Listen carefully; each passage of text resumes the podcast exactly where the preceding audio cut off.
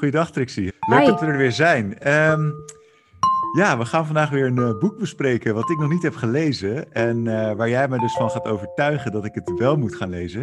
En ik ben, uh, ik ben heel benieuwd wat je hebt meegenomen deze keer. Ja, inderdaad. deze keer niet een echte klassieker. Ehm, maar wel twee klassieke auteurs die met elkaar in een briefwisseling uh, verstrengeld zijn. Die sowieso een beetje aan elkaar verstrengeld zijn en niet zo goed met en niet zo goed zonder elkaar blijken te kunnen. Ik heb het over het boek Herzzeit, de briefwisseling tussen de twee beroemde dichters uh, Paul Celan en Ingeborg Bachmann. Okay. Wel eens van gehoord? Nou ja, de, de namen zeggen mij iets. Celan uh, zegt mij ook wel iets, maar dan ken ik hem van een gedicht volgens mij uh, Todesvoer, kan dat zijn? Heel goed, ja, dat is inderdaad het beroemde gedicht van Paul Celan. Ook het beroemde gedicht dat, ja, men zegt misschien wel als enige gedicht de ervaring van de Holocaust kan samenvatten of hè, een, een, uitdrukking daarvoor heeft kunnen vinden, wordt wel eens gezegd. En uh, Bachman, ook een bekende naam, misschien iets minder bekend, denk ik. Ja, ook van gehoord. Het enige wat ik daarvan weet is dat ze, dat ze uit Oostenrijk komt. Verder heb ik daar eh, niet zo heel veel van gelezen. Ja, nee, inderdaad. Een, uh, een Oostenrijkse schrijfster, tijdgenoten dus van Paul Celan. Ze zijn allebei uh, in de jaren twintig geboren en in de jaren zeventig overleden. Ze is allebei niet zo oud geworden als je al snel rekent. En inderdaad, Oostenrijkse schrijfster ook filosoof en uh, schrijfster van poëzie, dus net als Paul Celan, maar daarnaast ook romans en hoorspelen, die ook erg leuk zijn om, uh, om te lezen. Dus dat zijn de, de, twee auteurs waar het over gaat. En uh, ja, die hebben dus blijkbaar brieven aan elkaar geschreven. En daar gaat dit boek over. Ja, dus in tegenstelling tot wat wij eigenlijk normaal behandelen, een, een klassiek verhaal of een, een klassiek verhaal of een, een, een verhaal, een roman, is het nu uh, een, een, een, briefwisseling. Ja, klopt. We hebben natuurlijk eigenlijk met deze reeks een. Uh, ja, we, we, stellen klassiekers uh, uit de Duitse literatuur voor. Dat zijn tot nu toe steeds romans of verhalen geweest. Nu eens iets anders, omdat ik het een ontzettend mooie briefwisseling vind. Niet alleen omdat er inderdaad uit blijkt dat deze twee dichters een, een liefdesaffaire hadden. En alles wat daarbij komt kijken aan, aan misverstanden en niet ingeloste verwachtingen en dergelijke. Maar ook omdat het een hele mooie introductie is tot uh, hun werk, zou ik willen zeggen. En tot het schrijven van poëzie überhaupt. En ze, ze vragen zichzelf allemaal dingen af van wat is poëzie? En in hoeverre kan je over literatuur nog iets zeggen? Uh, daar zijn ze het ook soms echt over oneens. Dus Ingeborg Bachman wordt op een gegeven moment uitgenodigd bij een literatuursymposium. En uh, Paul Celan vindt dat eigenlijk maar niks. Hè? Dus dat je over literatuur gaat praten. Nou ja, dus dat soort verhandelingen zijn gewoon voor, um, ja, voor Germanisten erg leuk om te lezen.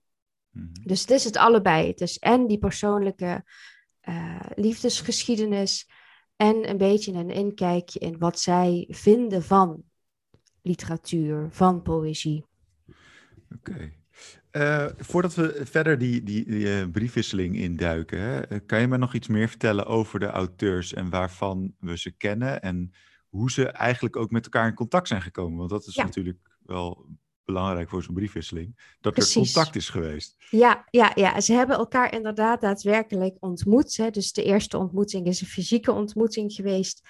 Uh, Ingeborg Bachmann leefde in, uh, in Wenen, was al uh, bezig met schrijven, maar werkte ook nog gewoon. Ze had een baan bij de radio en had het daar ook behoorlijk druk mee. Ze uh, promoveerde op Heidegger, las veel over Wittgenstein. Dus dan heb je al twee Duitse filosofen die veel met taal bezig zijn, met de manier waarop je spreekt. En dat probeerde zij in haar poëzie ook. Dus zij was op zoek naar juiste manieren van spreken. Naar, uh, dat is in al haar geschriften bijna terug te vinden. Van we kunnen de taal die we nu spreken eigenlijk niet meer gebruiken. Dat, dat heeft heel veel te maken met haar uh, achtergrond. Uh, als Oostenrijkse had zij natuurlijk, uh, ervoer zij in ieder geval een zekere collectieve schuld. En haar vader was ook pleitbezorger geweest van de Anschluss van Oostenrijk bij Nazi-Duitsland. Ehm, en dat werd overigens pas na de dood van Ingeborg Bachmann officieel bekend, dat, dat haar vader bij de nazi's was, zo gezegd. Maar uh, je, kan je, wel, je kan dat wel terugvinden in haar werk, dat daar uh, hè, een problematische vaderrol of een problematische achtergrond uh, zeker een rol heeft gespeeld in haar, ja, in haar worstelen met de Duitse taal, zou je ook kunnen zeggen. Dus dat is Ingeborg Bachmann.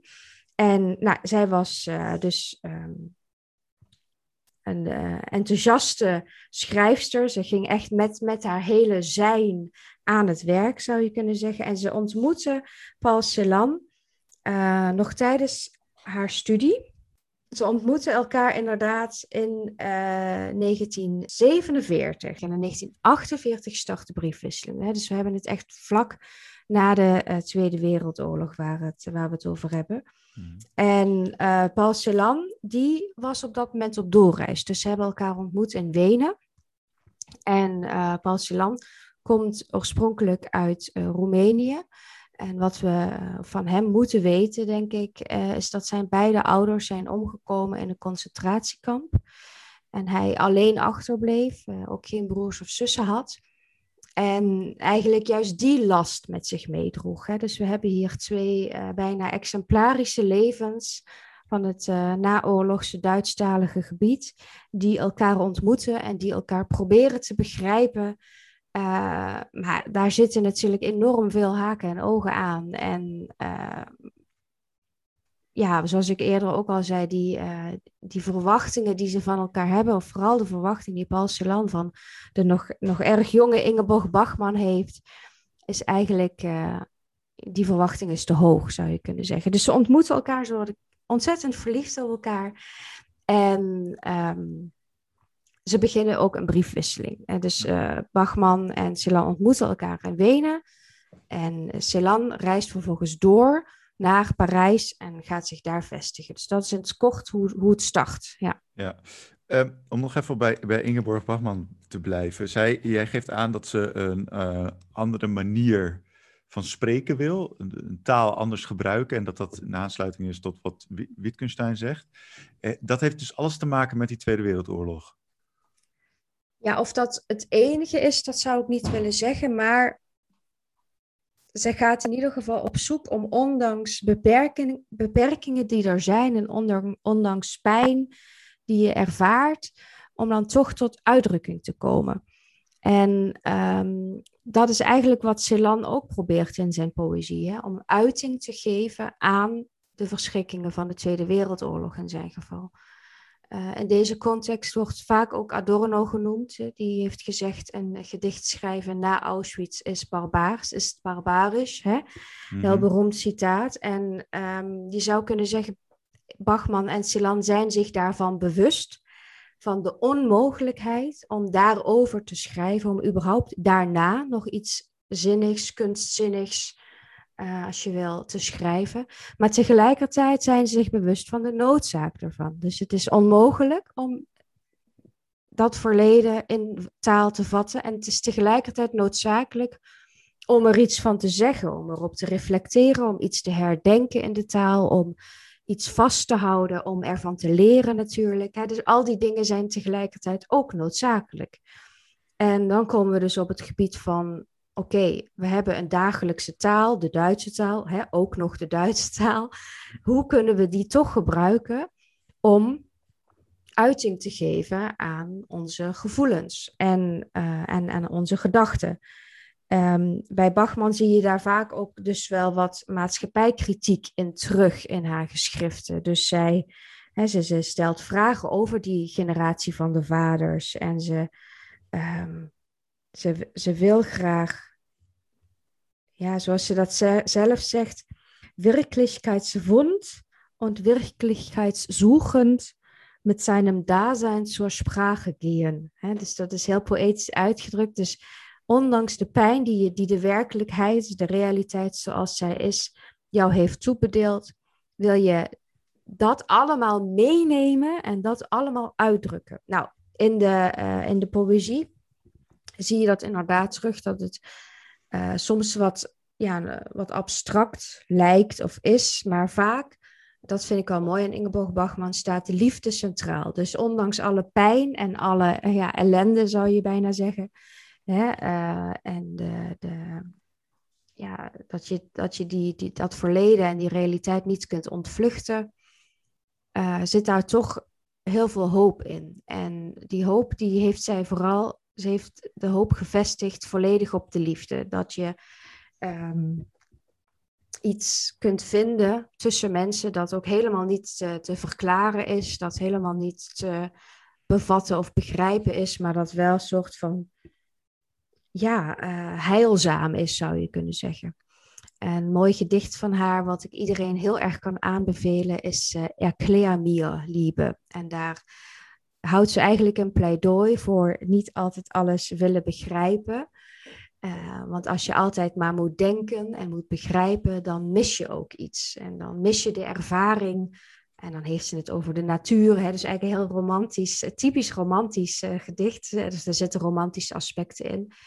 Um, dan mis je allerlei um, als je alleen maar met gedachten omgang hebt, zeg je, dan mis je het belangrijkste, de, de, de ervaring en de liefde en het, het uh, geven van liefde ook. Dus niet alleen maar het, het aannemen of het zien, maar het uh, zorgen voor.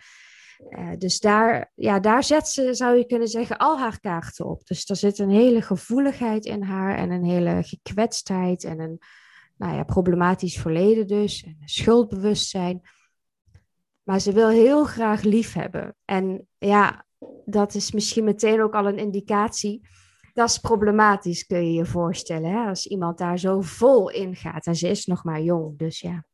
ja hoe, hoe oud zijn ze als ze elkaar ontmoeten in Wenen? Even kijken, ze zijn dan uh, eh, 21 en 27.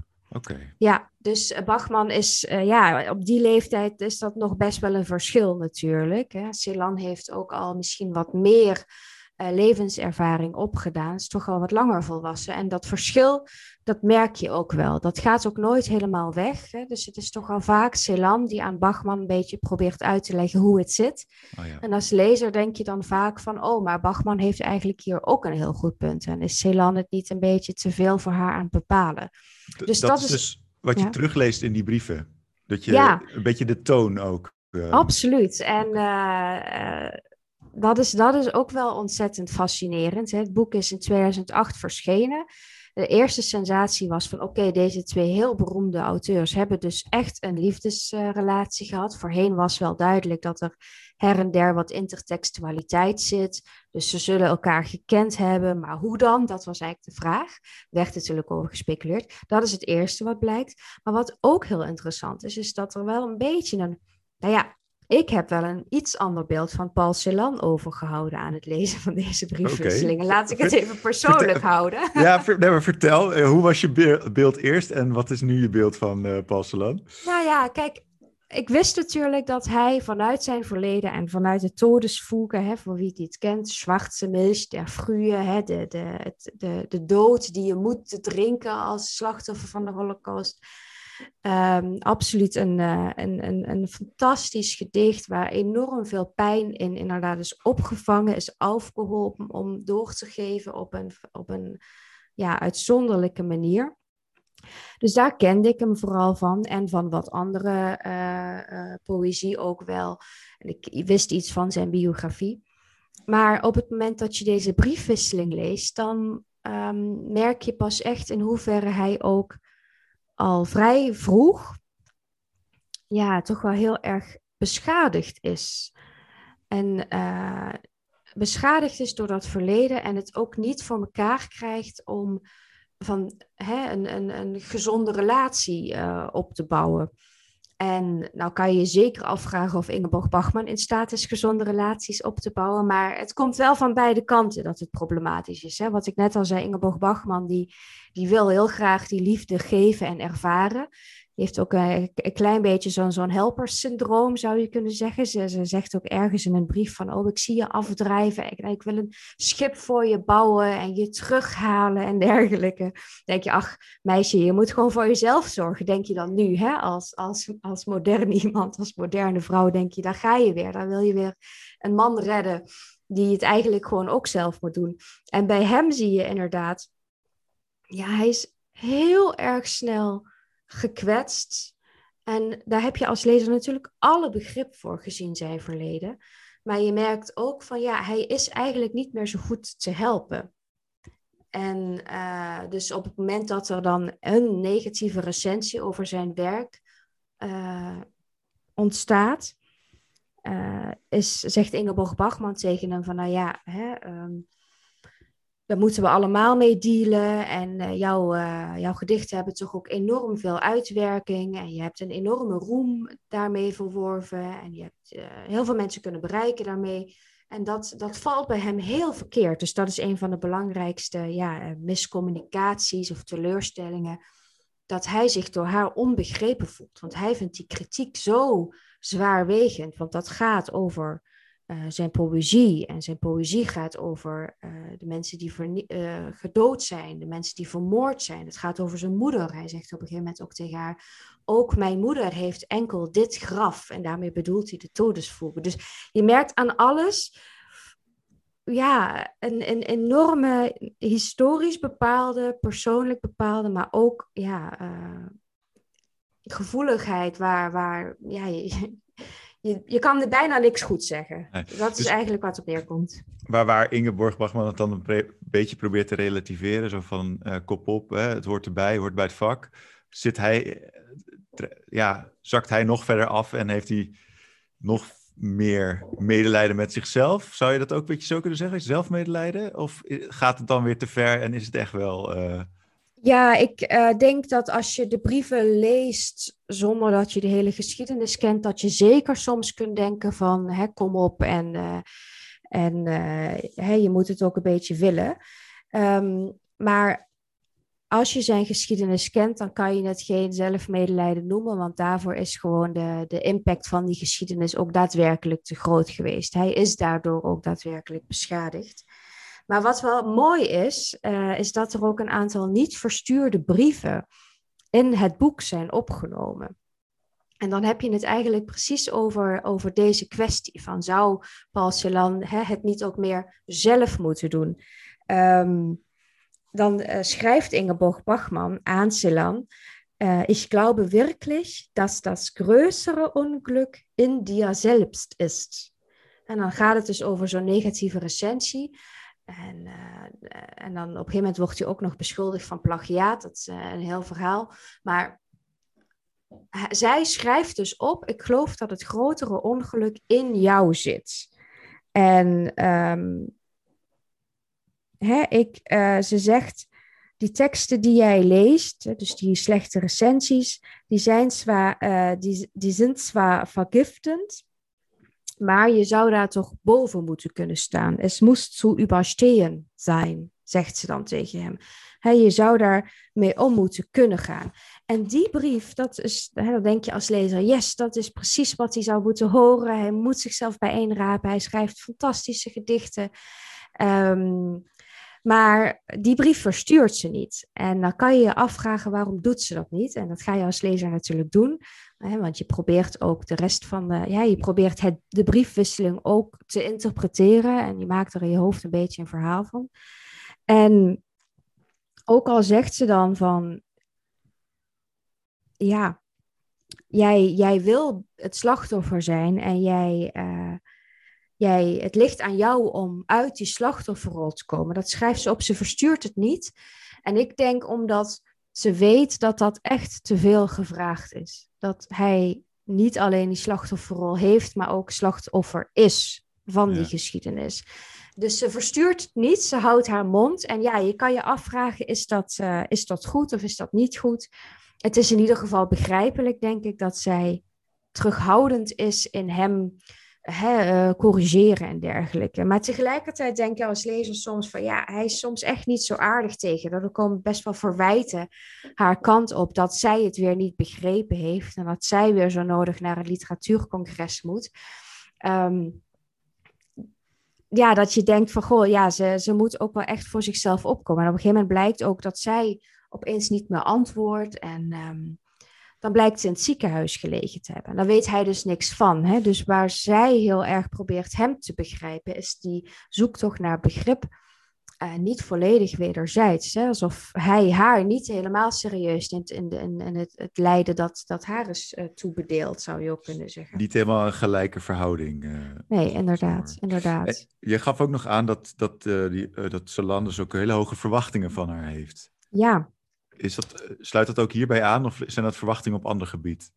Ja, dat, dat sluit hier zeker op aan. En dat begint ook al meteen helemaal aan het begin als het gaat over een, um, over een gedicht dat hij voor haar heeft geschreven. Hè, dan, dan zie je ook in het gedicht, ik kan het wel eventjes erbij pakken. Ja, dat, dat hij in haar allerlei andere vrouwenrollen projecteert. Dus hij verwacht van haar dat zij andere vrouwen in zich opneemt. Ik kan eventjes, eventjes erbij pakken. En daarom dan denk je als lezer meteen van, oh, dit, dit, uh, dit gaat echt te ver. Nu is ze echt, uh, ja, wordt er op haar wel enorm veel, uh, ja, moet zij een enorme last dragen. Wordt er heel veel op haar geprojecteerd. En dat is gewoon niet helemaal terecht. En dat kan zij natuurlijk ook niet waarmaken. Hij noemt dan hier inderdaad enkele Joodse vrouwennamen waar zij dan een soort nieuwe personificatie van zou moeten zijn. Nou, en dat is natuurlijk, nou, daarmee is eigenlijk meteen de toon gezet voor die hele briefwisseling. Hij ziet in haar uh, niet alleen een gesprekspartner, of, uh, uh, maar ook een grote inspiratiebron. Hij schrijft ook gedichten over haar. Maar tegelijkertijd verwacht hij ook dat zij een last kan dragen, die eigenlijk niet van haar is, zou je kunnen zeggen. Tegelijkertijd lukt het haar wel om die inspiratie te zijn. En misschien leuk om even te vertellen over hoe die briefwisseling precies gaat. Um, in het begin hebben ze dus een ontmoeting. Dan gaan ze een aantal jaren schrijven.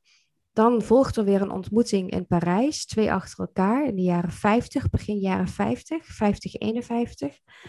En daar in Parijs gaat het niet helemaal goed. Um, Bachmans spreekt ergens van een verstikkend drama. Dus ik weet niet precies wat. Dat weten we dan niet. Hè? De, de ware ontmoetingen zijn natuurlijk niet genoteerd. Dus die moeten we dan weer een beetje invullen. Um, en dan is er een pauze. En dan in de tussentijd trouwt Paul Celan met uh, Giselle. En uh, in 57 ontmoeten ze elkaar weer in Keulen. En worden ze wederom verliefd op elkaar. Dus er is ook nog een soort van interessante golfbeweging door deze briefroman. Dat er een breuk is en weer een opnieuw oppakken van een oud verhaal. En um, dan wordt het dus een soort van affaire, inderdaad. Uh, uh, heel problematisch ook. En Bachman heeft daar ook heel veel moeite mee. En ze heeft het ook vaker over uh, Celans vrouw en over het kind dat er inmiddels ook al is, Erik Celan. Um, ja, en toch gaat dat in eind jaren 50 ook weer mis. En dan, hè, dus in eh, begin jaren 50 zou je kunnen zeggen, gaat het mis omdat, omdat er te veel verwachtingen zijn. En in 1957, 58 gaat het denk ik mis omdat Paul Celan eigenlijk al niet meer, uh, ja, al, al, al, al te zeer um, waanvoorstellingen heeft. Dus dan, dan gaat het echt met hem psychisch een stuk slechter. Dat merk je ook wel. En uiteindelijk um, blijkt inderdaad ook dat niemand hem kan redden. Ook zijn vrouw Giselle niet. Dus uh, dat is het verdrietige einde van het boek. Oké, maar dus die, uh, die brieven die beslaan dus een periode van, wat, wat zei, ongeveer tien jaar of is het langer? Ik zal eens even kijken, want ze beginnen in 1948. En de laatste brief Ehm, nou, de laatste brief is een brief van uh, Giselle aan Ingeborg. En die is in 1972. En, en, dat is, en dat is voor brief is dat dan? Dat is, twee jaar na het overlijden van Paul Celan. Ja, dat is misschien wel mooi om even te vertellen. Misschien ook wel uh, een, een troostrijke uh, afsluiting van het boek in ieder geval dat uh, Paul Celan en Ingeborg Bachman elkaar maar niet vinden. Hè? Dus ze zoeken elkaar, ze zoeken de juiste uitdrukkingsvorm, ze zoeken de juiste taal. Maar ze vinden elkaar niet. Ze vinden blijkbaar niet de goede woorden om uh, hun eigen leven te begrijpen, om de ander te begrijpen, om de goede vragen te stellen, et cetera. Dus ja, veel verwijten over en weer, veel uh, verwachtingen, veel teleurstellingen. Maar op het eind uh, zie ik een mooie ontmoeting ontstaan tussen Ingeborg Bachman en uh, Giselle, de vrouw van Paul Celan. En dat ze aan elkaar toegeven dat ze beide geworsteld hebben met ja, hem proberen te helpen. Dat dat ook niet gelukt is. En dan zou je zeggen van, maar Ingeborg Bachman heeft een affaire gehad met jouw man. Zou je daar niet hè, boos op moeten zijn? En dat is in het begin, heeft ze daar zeker moeite mee. Maar ze leest Ingeborg Bachmans gedichten. En uh, begrijpt veel meer wat ook Bachmans uh, verdriet is en uh, wat haar pijn is. En kan van daaruit sowieso haar vergeven, maar ziet ook een, een herkenning in inderdaad die poging om Paul met, hè, wat ik in het begin zei, dat schip bouwen om hem te, terug te halen uit die zee waar hij in ondergaat daarin vinden ze elkaar. Een van de, laatste brieven staat ook het mooie, het mooie zinnetje van ik, ik reik jou de hand, Ingeborg, zegt Giselle dan. dus uh, ze, ze, daar vindt een, eindelijk, zou je kunnen zeggen als lezer, ook een daadwerkelijke ontmoeting plaats. Een begrip, ondanks uh, die constellatie waarvan je zou zeggen, jullie zijn concurrenten of, of vijanden van elkaar. Ja, maar die, ehm, dus die affaire, dat is een affaire die heeft voornamelijk plaatsgevonden uh, door middel van brieven. Of hebben, want je gaf aan een paar, er zijn een paar ontmoetingen geweest. Ja. En voornamelijk dus brief, uh, briefcontact, briefwisseling. Ja, precies. Hè? Dus Ingeborg Bachman heeft in, uh, in Oostenrijk gewoond, Celan zijn grootste tijd van zijn leven in Parijs. Maar er is dus die hernieuwde ontmoeting geweest in 57. En dat is dus daadwerkelijk wel een paar weken geweest. In Keulen was dat. En daar is ook het gedicht ontstaan, De Gedroomden, Die Geträumten. En dat is ook de titel van de verfilming van deze briefwisseling. Dus we weten ook meteen waar die vandaan komt. Um, die Geträumten. En eh, Paul Celan zegt dan weer in een brief, dat is natuurlijk voor lezers, heel, voor kenners van het werk van Paul Celan super interessant, dat ze dan opeens ontdekken waar de, de titel van een gedicht van hem vandaan komt, De Gedroomden. Um, dat, uh, dat, dat gedicht heet Köln am Hof. En dan uh, zegt hij in een brief aan haar, schrijft hij, is Köln am Hof geen mooi gedicht? Door jou, Ingeborg, door jou. Was het ooit ontstaan als jij niet van de gedroomden had gesproken? Eén woord van jou en ik kan leven. En dat ik nu weer jouw stem in mijn oor heb dus hier is het dus daadwerkelijk heel even gelukt om elkaar te begrijpen.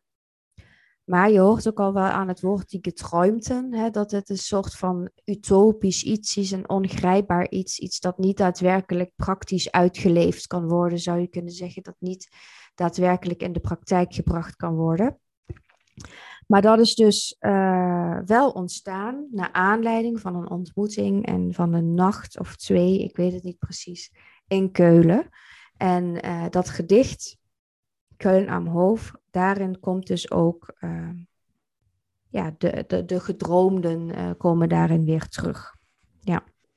En hoe is het nou om, om dit te lezen? Want ja, het zijn dus allemaal brieven. Leest het ook makkelijk weg? Is het, leest het als een verhaal?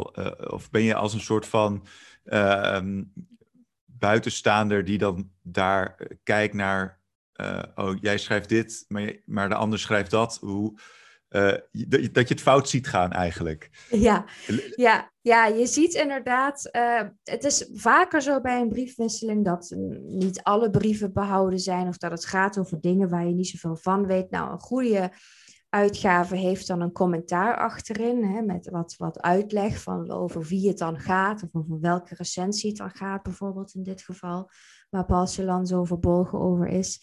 Dus dat, dat heb je soms echt wel nodig, dat commentaar. En dat is dan ook leuk om erbij te pakken. Het uitgeven van een briefwisseling is daarom ook een behoorlijke uitdaging. Want wat vul, hè, wat, waar vul je de gaten in met kennis die er is? En waar laat je de gaten ook uh, aan de lezer om in te vullen? Maar al met al vind ik dit ehm, ja, behoorlijk toegankelijk. En ik denk ook bij een briefwisseling, en dat geldt natuurlijk voor elk boek, maar voor een briefwisseling misschien des te meer. Je hoeft ook niet alles te begrijpen. dus je, je leest mee en je pakt op wat je herkent. En uh, wat je bijvoorbeeld herkent uit het werk van hun, dat je denkt, oh, dat gaat over die en die lezing, die Ingeborg Bachman daar en daar bij de, hè, de Frankfurter Poëtik voorlezingen bijvoorbeeld, gaat het over op een gegeven moment. Dat herken ik dan. Maar als je dat niet herkent, is het niet erg. Want er gebeurt nog van alles omheen. Er gebeurt nog enorm veel aan uh, psychologie. En uh, ja, dat is denk ik vooral voor de, voor de lezer van nu heel interessant. Van hoe kan je ondanks zoveel inspanningen elkaar zo hard niet begrijpen? dat, dat, is, uh, dat is fascinerend en heel leerzaam natuurlijk om een keer als buitenstaander uh, naar te kijken van ondanks heel veel liefde en ondanks heel veel moeite en nuance en vocabulaire die bagage die zij allebei meedragen, ja, dat, die moeten ze eerst zelf uitpakken, weet je. Dat, dat gevoel krijg je als lezer heel erg. Daar kan je niet mee aankomen zetten bij iemand anders. Dus dat is volgens mij hoe je dat als moderne lezer heel mooi... Um, ja, hoe je getuige bent inderdaad van uh, een mogelijkheid die niet tot uh, werkelijkheid wordt. Ja. Dus eigenlijk eerst dat ze aan zichzelf moeten werken, met zichzelf aan de slag moeten gaan, voordat ze de ander echt lief kunnen hebben, kunnen begrijpen. Ja, ja, precies. Dat in het begin dan, eh, dan is het inderdaad een beetje zo'n wederzijdse afhankelijkheid, waarvan je inderdaad je kan afvragen of dat gezond is en of het helpend is. En vooral of het duurzaam is. En duurzaam is het inderdaad niet. En uh, tegelijkertijd uh, is natuurlijk voor ons het fantastisch dat ze elkaar ontmoet hebben. Ook al is het jammer dat het niet helemaal uit de verf is gekomen. Voor hun persoonlijk wellicht. Maar voor ons als lezer is het fantastisch. Want je ziet dus ook in de, in de briefwisseling hoe ze elkaar op het gebied van de literatuur raken en inspireren. Hè, met dat voorbeeld net van de gedroomden. Ja, daar, daar is gelukkig wel hele mooie kunst uit voortgekomen. Hè. Dus er is misschien dan. Uh, het is jammer dat ze, dat ze elkaar niet volledig konden begrijpen. Maar ze zijn wel volledig met, met elkaar aan de slag gegaan op het gebied van hun eigen kunst. Dus uh, ja, dat, en dat is zeker inspirerend geweest. En dat heeft ook wel ja, een, uh, um, een, uh, gezorgd voor een paar lichtpuntjes in het oeuvre van Paul Celan, denk ik in ieder geval. Hè, dat, dat gedicht De Gedroomden, daar zit, daar zit inderdaad die liefde en dat, die, die hoop in, die in veel van zijn andere werk niet te vinden is. En, andersom denk ik bij Ingeborg Bachman ook wel dat het, dat het haar werk verdiept heeft en haar worsteling met het verleden ook uh, ja, meer heeft, uh, aan de oppervlakte heeft gebracht in haar teksten. Dus dat is het goede nieuws. ja, inderdaad. Dus, maar als ik het zo hoor, dan, dan lees het aan de ene kant zit er uh, actualiteit in die brieven, maar het zijn dus ook kunststukjes aan zich. Die, de manier waarop ze schrijven, de, de, de, de zinnen, de, ja onderwerpen waar het ook over gaat, dat dat ook al heel mooi is om te lezen. Ja, het is zeker. Uh, je leest hier mensen die met heel veel uh, nuance zo'n brief gaan schrijven. Dat zorgt er ook voor dat er dus geregeld brieven niet verstuurd worden.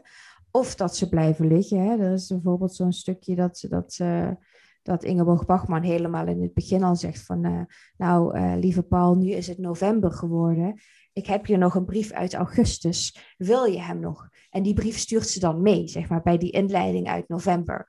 Dus dan denk je al van, oei, dat, uh, als, als, dat, als dat maar goed gaat.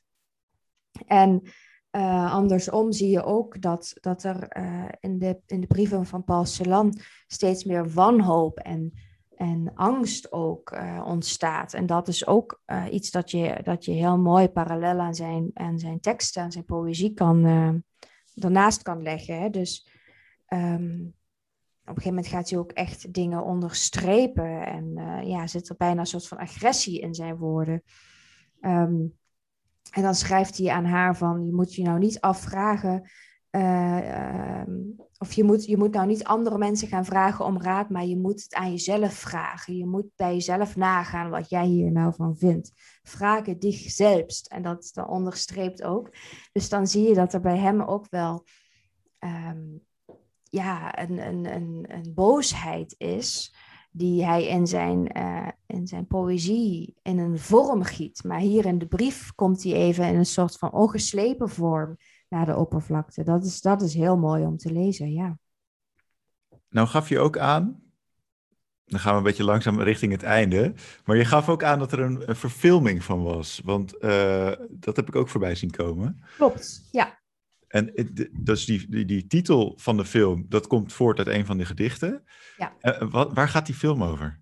Ja, dat is een interessante film. Die is dan weer uit 2016, dus acht jaar nadat de briefwisseling is verschenen.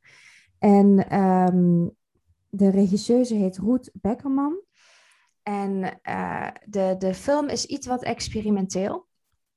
Die geträumten dus. Je ziet twee acteurs die in een microfoon de brieven aan elkaar voorlezen. En uh, dat doen ze in Wenen, in het Wiener Funkhaus.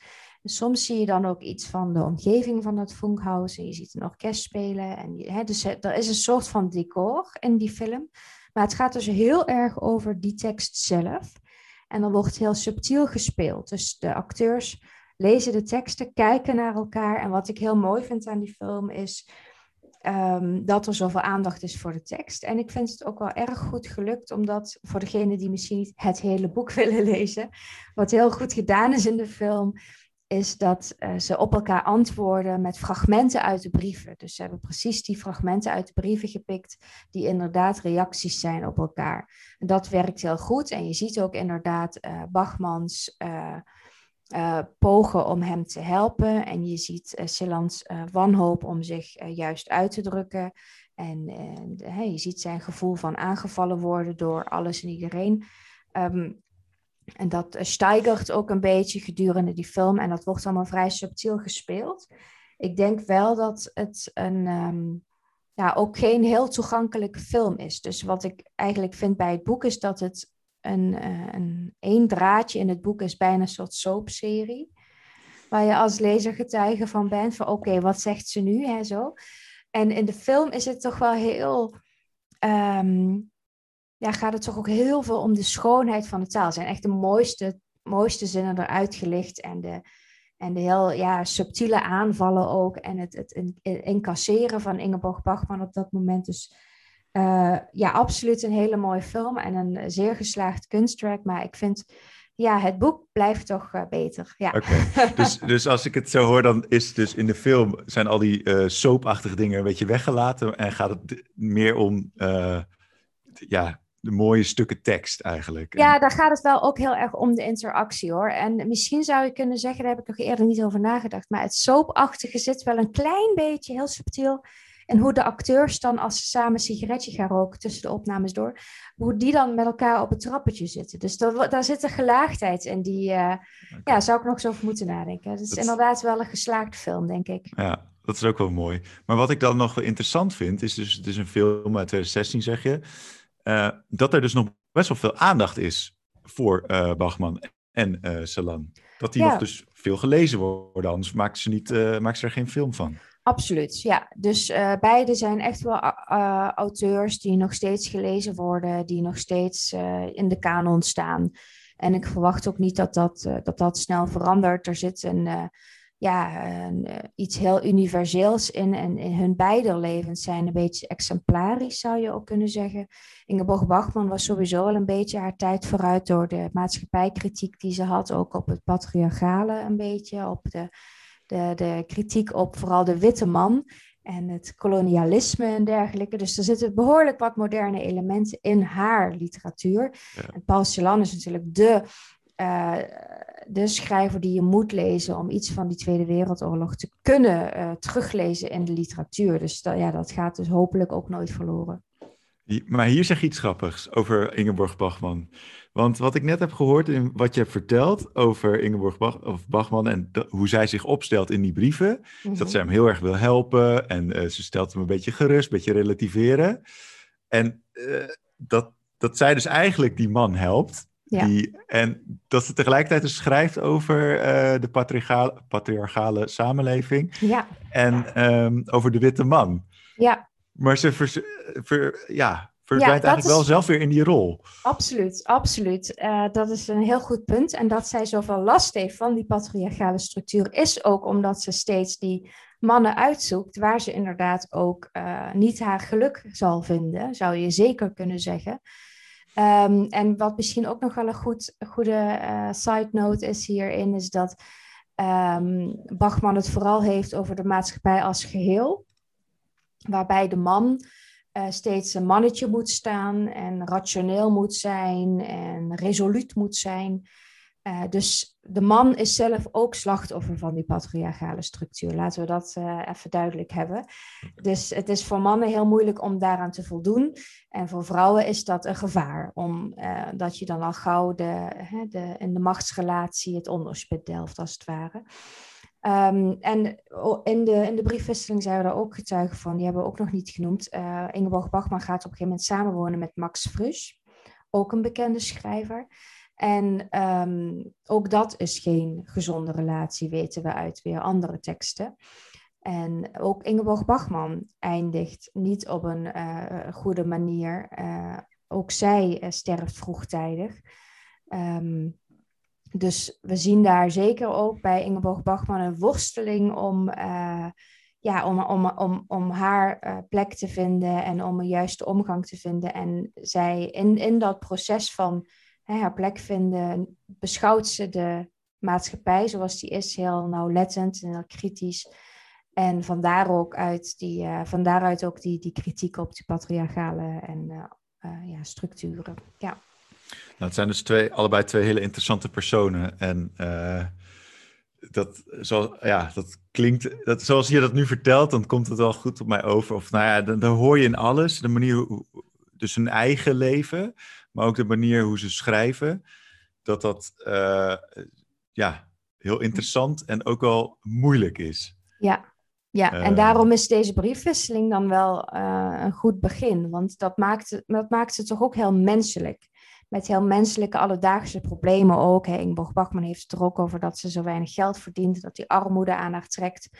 En uh, heeft het ook over zijn woning of heel praktische dingen. Dus je, ja, ik vind briefwisselingen altijd wel mooi om te lezen, omdat het de auteurs die je kent uit hun teksten, of misschien ken je ze ook uit biografieën, maar het maakt ze wel echt veel menselijker en je, je leert meer over ook hun dagelijkse strubbelingen. En vooral is het natuurlijk leuk als je dan overeenkomsten ziet tussen wat er in het oeuvre staat en wat er in de, in, in de, in de relaties die ze hadden bijvoorbeeld uh, ja, naar voren komt. Ja, want daar zie je dus, je gaf al het punt inter intertextualiteit aan. Dat zie je dus ook in die brieven terug? Dat je bepaalde elementen ook weer terugziet in gedichten van hen? Of? Ja, dus we hadden het net al over dat gedroomde. Dat is mhm. blijkbaar een gedicht is dat ontstaan is naar aanleiding van een woord dat Ingeborg Bachman heeft gesproken daar in Keulen uh, rond middernacht. Maar er zijn andere voorbeelden van. Bijvoorbeeld is er een gedicht over een uh, lantaarn. En uh, dat blijkt dus te gaan over dat Ingeborg Bachman en Paul Celan samen een lantaarn gingen kopen. dat soort grappige dingetjes. Dat je denkt van, oh ja, nou kan je dat gedicht ook weer op een heel uh, meer alledaagse manier lezen wellicht. En uh, zo zijn er meer voorbeelden. En helemaal op het eind, um, dat staat dan ook in het commentaar, uh, wordt ook het leven van Paul Celan nog opgenomen in een roman van Ingeborg Bachman, Malina. Dus dat, dat was een, een boek dat al af was. En na het overlijden van Paul Celan heeft Ingeborg Bachman daar nog wat aan toegevoegd. En dus zo zie je inderdaad dat uh, ja, blijkbaar dat boek voor haar ook over hem ging. Ja, dat, zijn, dat zijn natuurlijk hele, hele interessante dingen om te ontdekken. Nou ja, je hebt me eigenlijk wel uh, enigszins overtuigd van uh, sowieso van uh, Solan en Ingeborg Bachman. Dat zijn twee hele ja, interessante personen waarvan ik sowieso meer wil gaan lezen. en dan misschien wel parallel daaraan of daarna dan ook dit boek.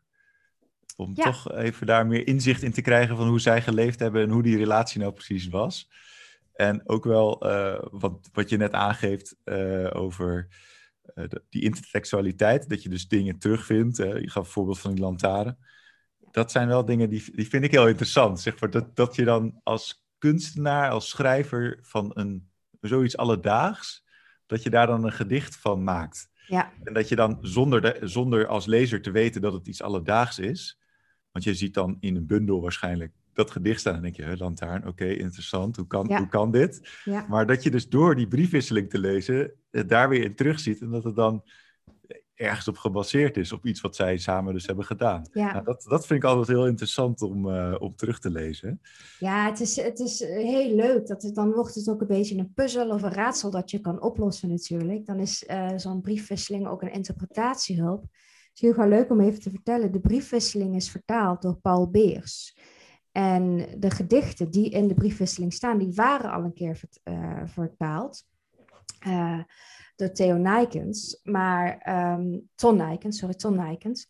Maar ehm, tijdens het vertalen van de briefwisseling kwam Paul Beers erachter dat de gedichten misschien net het verkeerde woord hadden in een bepaald zinnetje of zo. Dus dan moest hij toch ook weer naar die gedichten gaan kijken.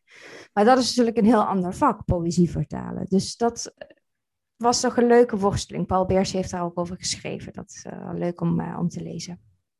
Leuk. Ja. Nou ja, ik, eh, ik ben overtuigd. Bedankt. Heel graag gedaan. En wat doen we de volgende keer? Ja, dan moet ik nog even over nadenken wat dat wordt. ik heb, jij een idee? Ja, misschien moeten we een keer richting de 19e eeuw, want dat eh, 19 eeuw. is alweer een tijdje geleden. Nou, dan gaan, we, dan gaan we die kant weer op. Dan gaan we weer een, eh, een paar honderd jaar eh, terug. Yes. Oké. Leuk. Dankjewel. Doei. Doeg.